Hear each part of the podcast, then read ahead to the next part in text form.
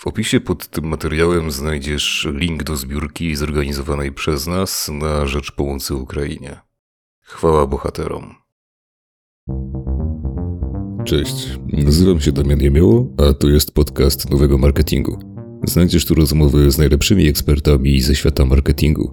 Rozmowy, w których eksperci dzielą się swoimi historiami, wiedzą i doświadczeniem. Podcastu wysłuchasz na YouTube, Apple Podcast, Spotify czy Google Podcast. Śledź nasze treści na bieżąco po więcej ciekawych rozmów z ekspertami. Cześć, nazywam się Damian Jemioło i jestem dziennikarzem portalu nowymarketing.pl, a moim dzisiejszym gościem jest Krzysztof Najder ze Stratosfery. Cześć wszystkim. Cześć Damianie, Krzysztof Najder, Stratosfera. Ja jestem założycielem Stratosfery, którą założyłem 25 lat temu. Zajmujemy się marketingiem strategicznym i forecastami. I tyle może. Przejdźmy do rzeczy. Tak, że dzisiaj będziemy sobie rozmawiać akurat między innymi o zjawiskach kulturowych i o tym, jak one wpływają na marketing, a także właśnie o trendach, jak one też wpływają. Ja bym chciał w ogóle zacząć właśnie od tego, jakie twoim zdaniem zjawiska kulturowe mają dzisiaj taki największy wpływ na marketing, i co obserwujemy obecnie. Super ciekawe pytanie w ogóle. Także dzięki. O, super ciekawe, dlatego że ja się tym osobiście zajmuję od kilkunastu lat, bo odpowiadam za część przewidywawczą, można powiedzieć, czyli różnego rodzaju foresightów e, w naszej firmie. To jest zastanawiająca, może dla Ciebie ciekawa, bo to jest nieoczywista lista, lista zjawisk, kulturowych lub okołokulturowych, dlatego że wiesz, e, jednym z problemów w ogóle takich metodologicznych, jak to się robi porządnie, to jest to, że my nie umiemy powiedzieć, gdzie kultura się zaczyna i gdzie kończy. I okay. w związku z tym te zjawiska mogą być okołokulturowe. Pierwszym zjawiskiem, które działa teraz i to jest niesamowite jak długo, to jest rewolucja przemysłowa w XIX wieku, która w dużym stopniu zmieniła sposób, w jaki my realizujemy swoje trzy główne potrzeby, czyli potrzebę przyjemności, bezpieczeństwa i akceptacji. Rewolucja przemysłowa to zmieniła zupełnie. A następnym a dużym zjawiskiem, które okołokulturowym, które bardzo wpłynęło na to, co się dzisiaj dzieje, są dwa zjawiska z, e, z okresu po II wojnie światowej Jedno, jedno zjawisko e, to są amerykańskie próby nuklearne na bikini, które bardzo wyraźnie uświadomiły już większości ludzi, że, że środowisko może być zniszczone przez człowieka natychmiast. I nadprodukcja nawozów azotowych też po II wojnie światowej, która spowodowała, że część upraw była sztuczna, a część upraw była naturalna i konsumenci zobaczyli różnicę. A trzecim zjawiskiem, zupełnie co innego, tak zwane lato miłości w Stanach Zjednoczonych, które w latach 60., w połowie lat 60., powiedzmy, które było apoteozą nurtu hipisowskiego w Stanach, który w dużym stopniu wyniknął z, z, z wojny w Wietnamie, która pokazała z kolei, że autentyczność może mieć, która pojawiła się jako koncept w XIX wieku, może mieć ciekawe i atrakcyjne wydanie. To są zjawiska z przeszłości, jak słyszysz, a następnie nastąpiła cała seria zjawisk, które już e, są dość niedalekie nas. To jest, ja przelecę tylko po głównych. Mhm. To jest powstanie www, e, czyli światowej sieci internetowej e, z, z outputem graficznym, 93 rok. Google Search 98, Wikipedia 01, YouTube 05, Facebook 06, iPhone debiut 07, a, a potem zupełnie co innego, wielki kryzys sam, y, finansowy, też mniej, y, no powiedzmy 2008 rok, jeszcze powstanie kolejnych platform, WhatsApp, Instagram i Snapchat, które było 2009-2011.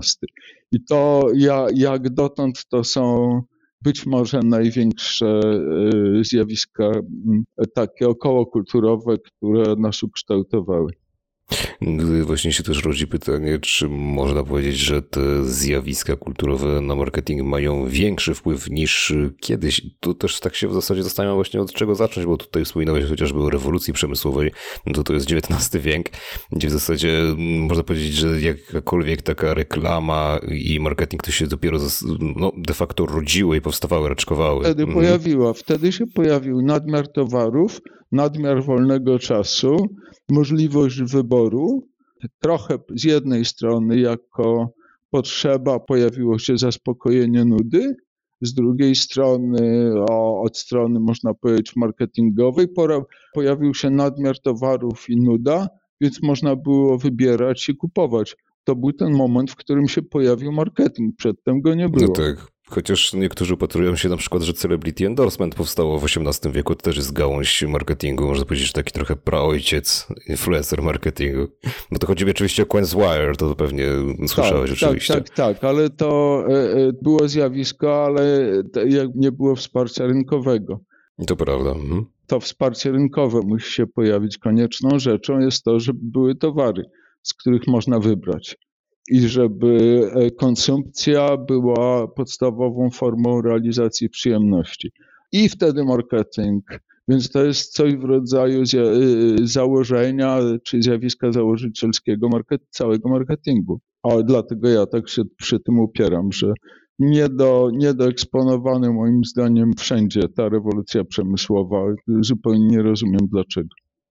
No tak, no i tutaj się właśnie rodzi to pytanie, czy te wpływy, wpływy tych zjawisk kulturowych na marketing są obecnie większe niż kiedyś. I może nie będziemy sięgać do takiego XIX wieku, bo to się daje oczywiste, ale nawet te kilka lat wstecz, 10, 15, 20 chociażby. Tak, jak się patrzy na kalendarium, to wygląda, że tak. Być może w tej chwili my mamy bardziej granularne podejście do zjawisk które się działy niedawno, ale ta cała seria zjawisk, które są związane z internetem, no, przeorała marketing, marketing od góry do dołu. Spowodowała, no ja tak mówię w gigantycznym skrócie, że marketing nagle się rozdzielił na, czy nagle, czy zaczął się rozdzielać na e-marketing, a z jednej strony i a z drugiej strony na zwinny, szybki marketing, tam gdzie była poprzednio reklama i strategia. I to są takie powiedzmy makrozjawiska. A potem oczywiście y, y, y, są zjawiska bardziej, czy skutki bardziej bardziej konkretne. Tak, no bo właśnie tutaj chciałem dopytać w takim razie o ten zwinny i szybki marketing, który wszedł w, w miejsce tam, gdzie się no, była strategia. Czy twoim zdaniem w takim razie i jakby teraz znacznie bardziej intuicyjnie się posługujemy tą komunikacją marketingową niż, niż kiedyś? W sensie nie, nie tworzymy tak rozbudowanych strategii, bo nie do końca rozumiem. Tak, taka była moja myśl. Strategie, które ja pamiętam e, sprzed ponad ćwierć wieku, ja jestem w branży ponad 30 lat już, a stratosfera ma 25, więc mam jakieś, e, wiesz, e, rzut oka w przeszłość. E, bardzo się zmieniła i z takich dużych strategii, które buduje się przez miesiące, a potem wciela przez lata, przeszliśmy w dużym stopniu na takie strategie, które powiedzmy realizują e, sieci handlowe, które wpuszczają e, nowe marki dosłownie prawie na rybę do, do, do swojego środowiska. Te marki są przygotowywane błyskawicznie w oparciu o copy-pastowanie innych marek, które już są, a potem one albo przeżywają, albo nie przeżywają. I całość trwa pół roku.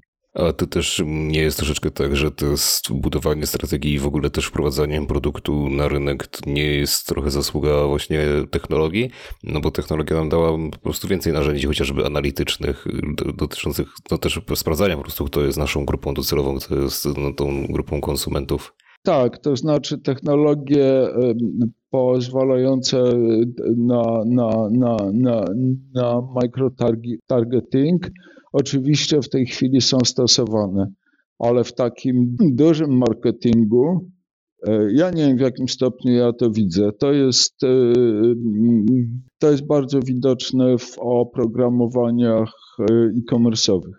Tam jest to widoczne, a microtargeting w świecie realnym, cóż nie. To może wróćmy jeszcze na chwileczkę do tych wpływów kulturowych, bo też mnie ciekawi, jak na przykład duży rzeczywisty wpływ na decyzje konsumenckie klientów mają ich systemy wartości, właśnie te, te kwestie kulturowe. Czy nie mamy tutaj na przykład do czynienia z rozdźwiękiem pomiędzy deklaracjami klientów, a tymi ich rzeczywistymi zachowaniami później Dokładnie, konsumenckimi? To jest rewelacyjne zupełnie pytanie, na które chciałbym o, o odpowiedzieć w ciągu naj, najbliższych dwóch godzin. Dosłownie tyle to, tyle to jest. Okay. Ale w uproszczeniu to jest tak, że oczywiście to jest wielkie tak.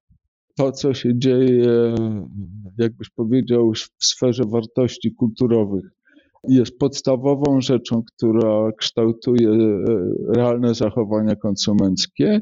I my mamy z jednej strony, to jest taka ciekawa rzecz, którą, e, na której właśnie opiera się model, nasz model predykcyjny. Z jednej strony my mamy o, konieczne do zrealizowania potrzeby i one są widoczne wtedy, kiedy człowiek kupuje, kiedy konsument, czyli człowiek kupuje albo, e, albo konsumuje poza ekspozycją społeczną, wtedy, kiedy nikt nie widzi, mówiąc w uproszczeniu, a z drugiej strony my mamy aspiracje, które są zupełnie niezgodne z tymi potrzebami, i to jest to, e, o czym człowiek mówi, jak go się pyta.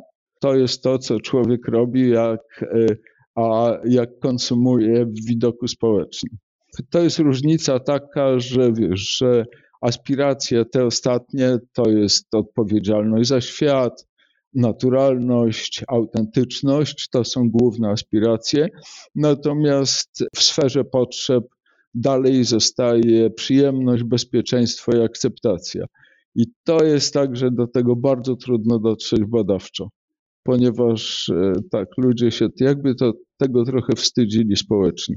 A jak to się ma na przykład do tej obecnej panującej sytuacji? Mam tutaj na myśli oczywiście rosyjską inwazję na Ukrainę, no bo widać tutaj taki dosyć spory nacisk społeczny ze strony konsumentów, chociażby na marki, znaczy, no też to trudno powiedzieć, żeby tylko i wyłącznie pod tym naciskiem społecznym marki się wycofywały, chociażby z Rosji, ale no na pewno gdzieś tutaj dołożył cegiełkę. To czy to troszeczkę też nie jest to jakiś na przykład zwiastun, że jednak będziemy szli bardziej w te kwestie dotyczące wartości, będziemy bardziej świadomie kierować po prostu naszymi wyborami konsumenckimi, czy może to po prostu jest tylko też taka deklaracyjność, jaką mieliśmy do tej pory do czynienia w większości?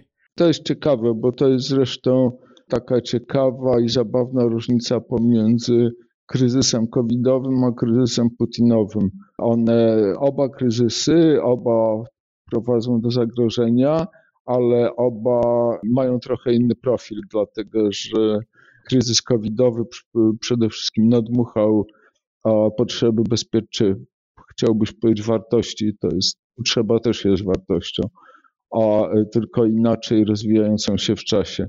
Bezpieczeństwa i kontroli, natomiast kryzys putinowy bardzo e, nakręcił przynależność, czyli z punktu widzenia marek, mówienie, podzielam wasze poglądy, jestem z wami, tworzymy grupę antyputinową, grupę nacisku.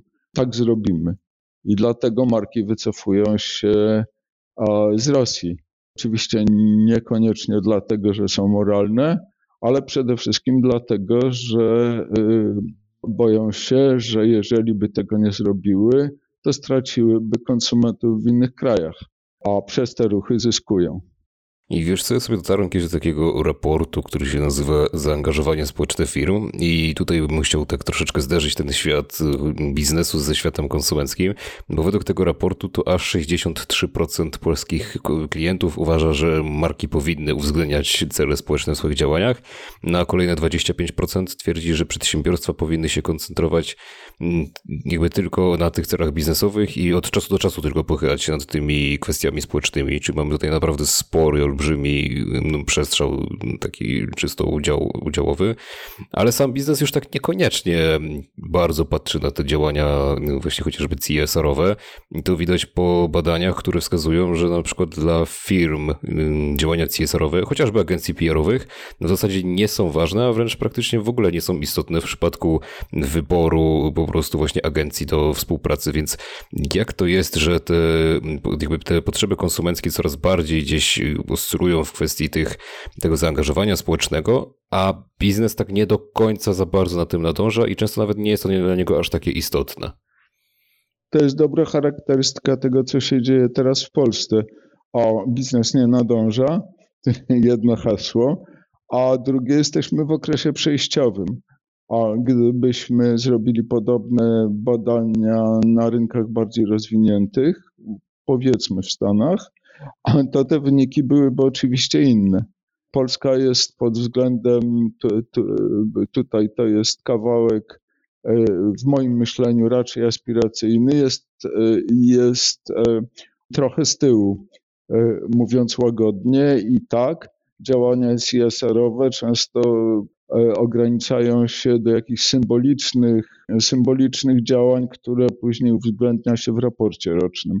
Natomiast w Stanach, gdzie na przykład o, instytucja B-Brands, czyli Better Brands, jest bardzo silna już w tej chwili, w Polsce słaba, tam silna.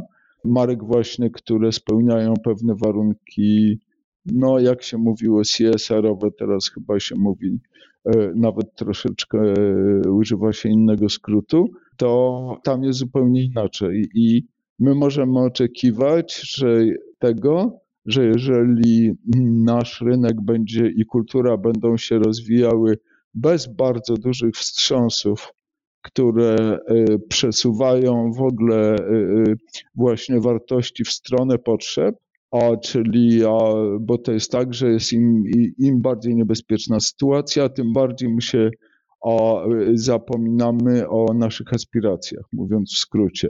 A im bardziej bezpieczna sytuacja, tym bardziej e, te aspiracje są brane pod uwagę i te aspiracje le, leżą w polu e, CSR.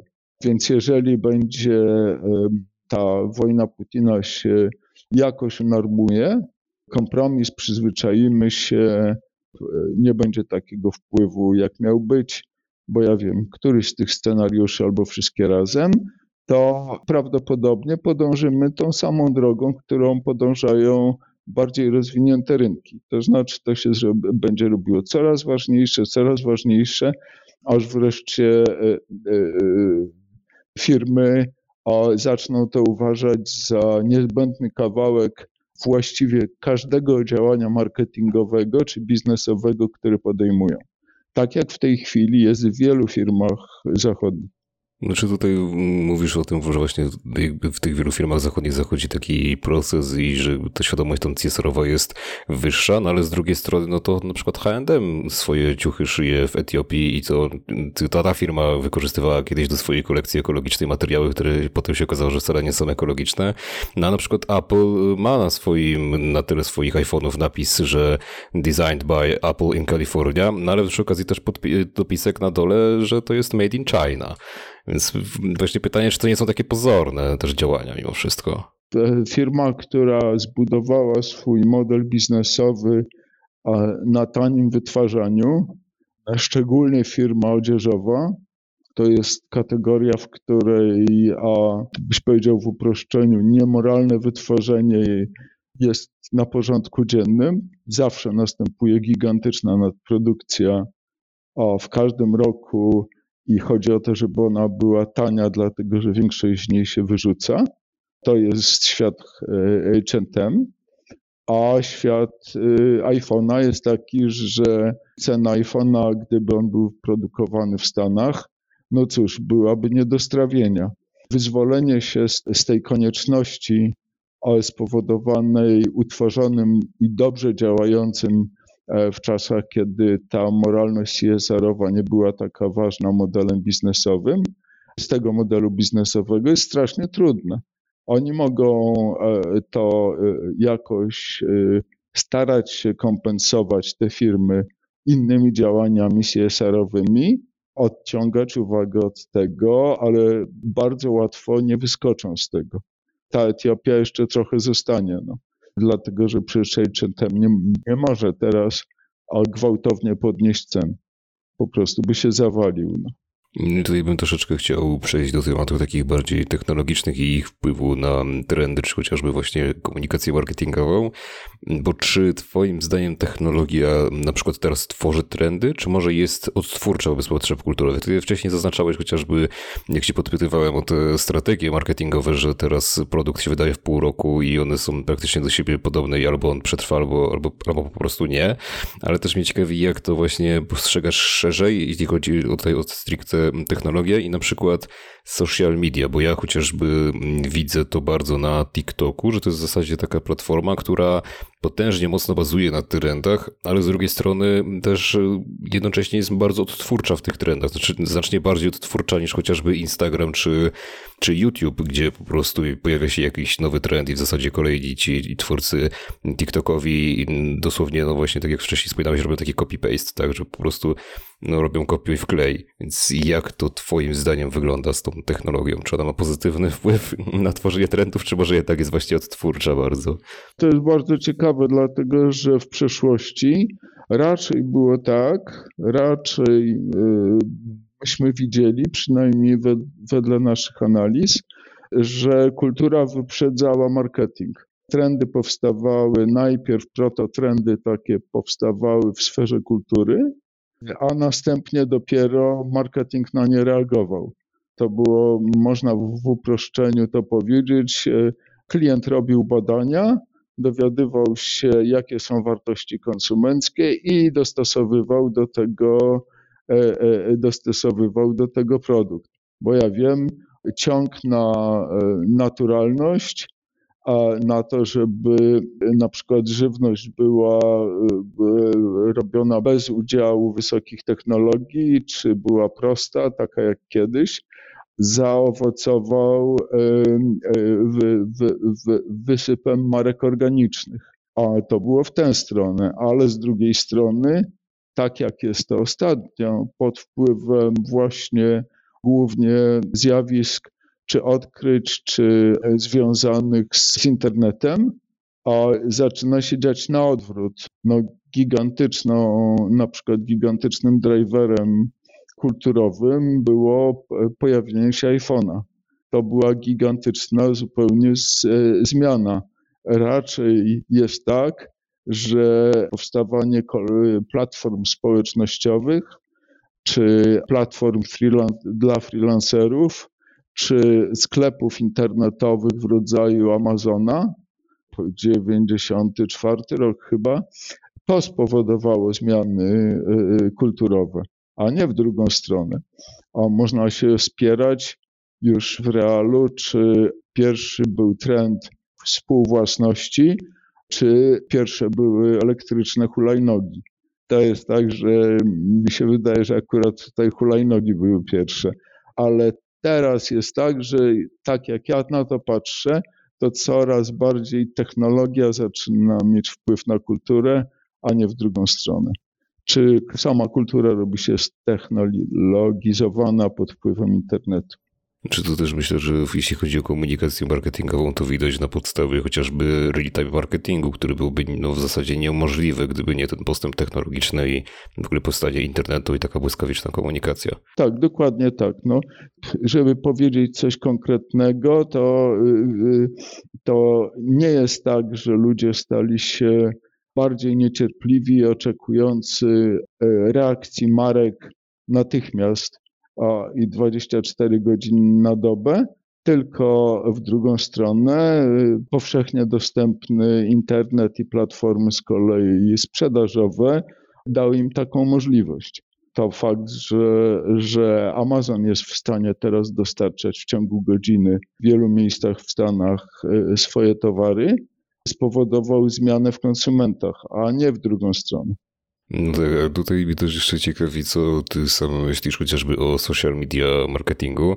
Zazwyczaj jak rozmawiam z osobami, które mają jakby już takie no, wieloletnie doświadczenie w, w tym obszarze marketingu, to często słyszę taki argument, że to nie do końca jest faktycznie jakieś na przykład przełożenie na nie wiem, generowanie leadów, na sprzedaż i tak dalej, że ten social media marketing jest obecnie mocno przeceniany, zwłaszcza przez młode agencje marketingowe, a jak to w zasadzie Twoim zdaniem wygląda? Czy, no bo to, to jest też właściwie trend, który powstał właśnie dzięki technologii i też troszeczkę, to, jest jakby, to są teraz troszeczkę tak naczynia powiązane, jak już tutaj wspomniałeś, że kultura się mocno ztechnologizowała. No gdzieś tam jednym z tych owoców jest chociażby social media marketing, no ale w zasadzie właśnie jaki on jest? Czy ma jakieś takie bardziej praktyczne zastosowania, czy to jednak bardziej są kwestie czysto wizerunkowe? Jak to postrzegasz? Moim zdaniem to jest tak, że social media są dalej niewykorzystanym terenem i to nie jest tak, że one są o, przecenianym polem działania, tylko słabo zorganizowanym dalej polem działania. No to ciekawe, bo jak porozmawiasz z social media marketerami, ci na przykład powiedzą, że na Facebooku to już tak za bardzo się nie da jakichś fajnych, sensownych działań prowadzić, zwłaszcza bez chociażby budżetu reklamowego. No, bez budżetu reklamowego oczywiście nie. W tej, mhm. ale y, w tej chwili jest tak, że my dopiero uczymy się, jak prawidłowo wykorzystać social media. Przecież jest tak, że mieliśmy na to 15 lat. Facebook powstał mniej więcej 15 lat temu. A to jest taki krótki okres. W związku z tym a to, w jakim stopniu potrzebujemy profesjonalnego kontentu wrzucanego na social media, i a jakie budżety na to mają, trzeba przeznaczać, w tej chwili jest dużym pytaniem moim zdaniem. I a social media pod tym względem są gigantycznie niedoinwestowane. Jest po prostu tego naprawdę dobrze zrobionego, profesjonalnego kontentu za mało. Z drugiej strony jest tak, że współdziałanie social mediów i, e, i nacisku celebryckiego także jest nie, niedopracowane w tej chwili, a celebryci a, y, są niezwykle ważnym elementem marketingu y, i to jest olbrzymia zmiana także. E, więc ja bym powiedział y, dalej, że, że, że to jest tak, jak, jak się upierałem przed chwilą. E, social media nie są przereklamowane, tylko niedoinwestowane i nieprzemyślane jeszcze i tam się dzieją rzeczy szybciej a, e, e, niż, e, niż technologie marketingowe są w stanie budować swoje narzędzia. To jest Snapchat to jest zupełnie co innego niż e, nawet YouTube, a my się dopiero tego uczymy. No ale z drugiej strony, no to, to social media to też jest pierwszy taki przypadek w historii marketingu, gdzie w zasadzie mamy też sporo tak zwanego user-generated content, czyli po prostu tego, tych treści od użytkowników bezpośrednio tak. No tak, i to jest taka sytuacja, z którą o, marketing musi sobie poradzić, a to jest sytuacja nowa, kiedy ma marki, czyli główne obiekty w marketingu, mają do czynienia z niekontrolowanym kontentem, a właśnie tym tworzonym przez użytkowników. Dawniej było tak, że marki kontrolowały cały kontent. W tej chwili jest no tak, że nie kontrolują i opinie, opinie o produktach, filmiki, otwórz opakowanie, czy jak, jak tego użyć, powstają poza kontrolą marek i próba ukształtowania tego ukierunkowania e, e, jest dopiero przed, e, przed nimi. No, nawet ja pójdę, pójdę dalej, że nawet ambasadorzy marek powstają już teraz poza kontrolą marek, bo to chociażby widać jest po przykładzie tej słynnej Wioli z Frogshop Posting, która po prostu no, gdzieś bardzo dużo tego kontentu generowała dotyczącego żabki, będąc tak naprawdę tam krótkotrwałą pracownicą w zasadzie. Ale bardzo dobry, bardzo dobry przykład. Więc moim zdaniem to jest tak, jakby my jesteśmy dziki zachód jeszcze social mediów i dla, dlatego to wygląda na przereklamowane. Bo nie wiadomo jeszcze, jak tego użyć tak dokładnie i nie wiadomo, czy ze względu na to, co już sprytnie, o co sprytnie zapytałeś, mianowicie co tam będzie pierwsze, ze względu na to, że te e, social media powstają zupełnie różne, tak na przykład no Snapchat 10 lat temu, tak, prawda? E, powstają czasem szybciej niż, a, niż narzędzia i ruchy konsumenckie są czasem nieprzewidziane, na przykład przesypanie się z Facebooka do Instagramu. Ono w Polsce może nie jest takie duże, ale no to gdzie indziej no to jest oczywiste. To są czasem rzeczy, które nie zostały przewidziane przez marketing. One się stały, a one się stały w e, jakimś błyskawicznym czasie. No, w, e, e, tutaj było Facebook powstał w 2006, Instagram 4 lata później, zaraz potem Snapchat, a tutaj nagle jeszcze w dodatku konsumenci się przesypują, gdzie, gdzie tak naprawdę trzeba zainwestować. To są rzeczy, które wolno działające zespoły marketingowe klientów czasem nie ogarniają. Dosyć sztywne struktury agencyjne nie ogarniają, a efekt jest taki, że świat się rzeczywiście posuwa troszkę szybciej niż, ma, niż e, narzędzia marketingowe. Tutaj na koniec bym wrócił do tych potrzeb kulturowych i ogólnie właśnie wpływu kulturowego na trendy i na marketing, bo wcześniej chociażby troszeczkę wskazywałeś, jakie trendy kształtują obecnie, obecne postawy klientów. Mam tutaj na myśli no, na przykład to wskazanie Amazona, także wraz z tym postępem technologicznym i z taką konkurencyjnością, no to udaje się Amazonowi dostarczać swoje produkty coraz szybciej, więc gdzieś tam pod wpływem tego po prostu się wytworzyła wśród konsumentów taka potrzeba e-commerce, tych dostaw bardzo szybkich, najlepiej jeszcze w ogóle tak, najlepiej jeszcze w ogóle tanich albo darmowych. A jak jest w drugą stronę, czyli jak te potrzeby kulturowe kształtują mm, obecne trendy? Ja na przykład to, co zauważyłem no, w ostatnich kilku latach w marketingu, to jest chociażby coraz, więcej, coraz częstsze to sięganie do tego tak zwanego diversity and inclusion. Także po prostu na przykład to widać zwłaszcza wśród marek odzieżowych, że one coraz częściej sięgają e, chociażby po osoby no, o różnym kolorze skóry, mm, no, tam zarówno szczupłe, jak i po prostu te osoby plus size i tak dalej, i tak dalej. Nawet osoby z niepełnosprawnościami, chociażby Zalando w swoich kampaniach po to sięga. I to jest coś, co w zasadzie no, troszeczkę moim zdaniem jest potrzebą kulturową stricte, bo gdzieś tam marki po prostu zrozumiały, że no, coraz większą grupę konsumencką stanowią właśnie te osoby, które są różnorodne. No i też po prostu się gdzieś na przykład, jeśli chodzi tutaj mowa o osoby o innym niż biały kolor skóry, no to one się po prostu najzwyczajniej w świecie bogacą, więc też mają po prostu możliwość korzystania stricte z, z, z produktów tych marek. Ale jakie jeszcze byśmy mogli wskazać te potrzeby no, kulturowe? Ja, ja, najpierw skomentuję to, co ty powiedziałeś, okay. bo y, bardziej mi się wydaje, że to, o czym ty mówiłeś, jest spóźnioną reakcją na zmiany demograficzne. No to też. Niż, e, niż potrzebą kulturową, dlatego że e, cóż, coraz więcej jest starych, chorych, otyłych, kalekich, a e, z, z wadami, i to, że ich coraz więcej jest osób e, LGBT i a marketing raczej się spóźnia za tymi trendami demograficznymi czy społeczno-demograficznymi niż w drugą stronę. Ale jest też. No ale z drugiej strony też szybciej to, szybciej to adresuje niż chociażby nasza polityka stricte społeczna, no, mam wrażenie. No tak, no to oczywiście, no bo jest e, za przeproszeniem jednak jakościowa różnica pomiędzy osobami, które tu i tu pracują. Przez to, że marketing długo płacił więcej, to ściągnął po prostu lepszych ludzi. E, z przykrością to stwierdzam, ale to jest fakt.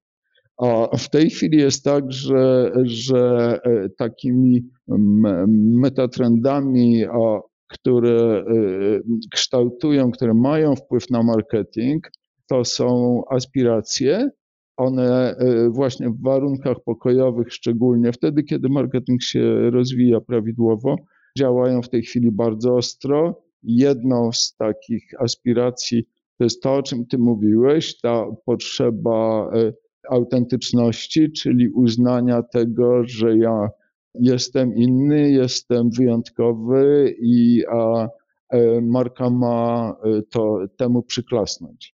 Więc pokazywanie wielu wyjątkowych ludzi w reklamach to jest zrealizowanie tej aspiracji. Potrzeb, aspiracja do naturalności, czyli do wracania do korzeni produkcji, odrzucanie technologii, czytanie książek w rodzaju Waldena, Toro, kupowanie żywności organicznej, tego rodzaju rzeczy. To w tej chwili się zresztą z autentycznością bardzo wyraźnie zlewa. I e, bardzo ważna w tej chwili e, aspiracja do e, odpowiedzialności za świat, czy odpowiedzialności ekologicznej. Za każdym razem, jak maleje maleje niespodziewane napięcie w rodzaju, czy nacisk w rodzaju wojny Putina czy COVID-u, to odpowiedzialność wyłazi na, e, za świat wyłazi na pierwsze miejsce. Wystarczy wy, wyjrzeć przez okno e, albo zobaczyć, jakie jest zanieczyszczenie powietrza. Cóż, to ja Ci w takim razie bardzo dziękuję, Krzysztofie, za rozmowę i za przybliżenie naszym słuchaczom właśnie, jak te zjawiska kulturowe wpływają na dzisiejszy marketing i też jak właśnie technologia chociażby je może kształtować. I cóż, i bardzo Ci dziękuję za, za tę naprawdę, myślę, wartościową i konkretną rozmowę. Mm, to ja dziękuję, to były świetne pytania, bardzo miło się rozmawiało. Mam nadzieję, że coś do, do naszych słuchaczy też z tego dotarło jako atrakcyjna treść. Dzięki bardzo. Cześć. Ja nazywam się Damian Jemioło, ze mną był Krzysztof Najder ze Stratosfery, a was wszystkich zapraszam na nowy marketing.pl. Trzymajcie się i cześć.